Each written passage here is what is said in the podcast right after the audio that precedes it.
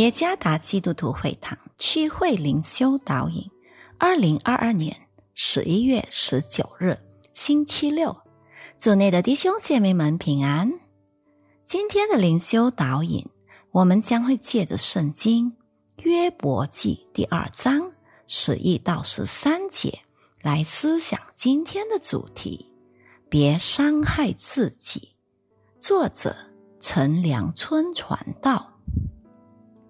约伯记第二章十一节，约伯的三个朋友提曼人以利法、苏亚人比勒达、拿马人索法，听说有这一切的灾祸临到他身上，个人就从本处约会同来，为他悲伤，安慰他。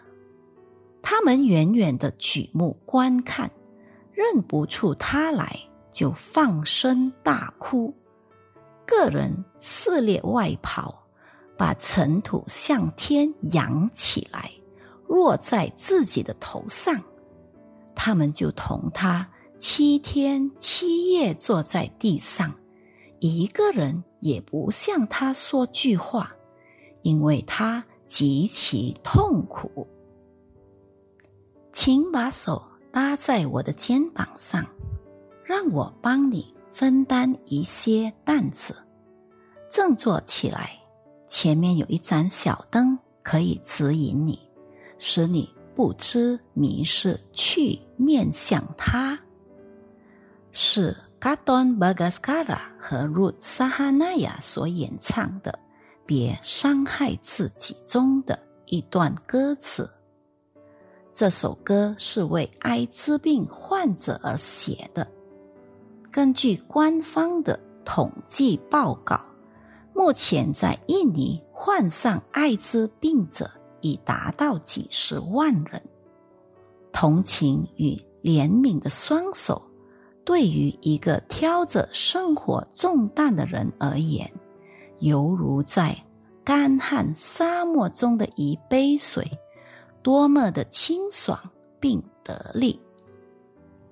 今天的灵修经文里，乐伯一定也有同样的感受。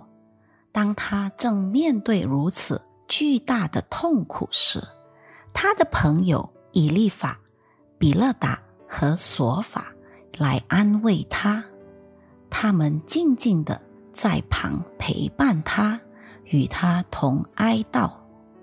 在岳伯极其痛苦和悲伤中，他们扶持他。当然，如果失去朋友的同情与体谅，岳伯所承受的痛苦就不堪设想了。他的精神负担会雪上加霜。在我们的家庭成员当中。或许有不少因被二零一九年新冠肺炎病毒感染，先离我们而去。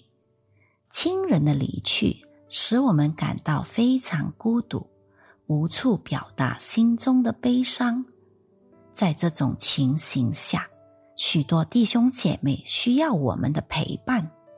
我们要知道，即使疫情已逐渐过去，被忽视。和被撇下的感受，实际上远比二零一九冠状病毒更加沉重。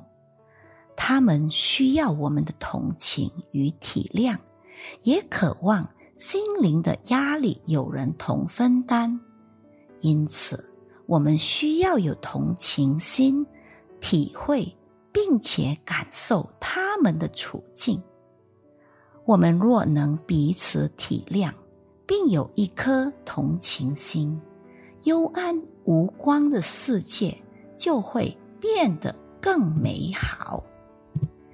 愿上帝赐福于大家。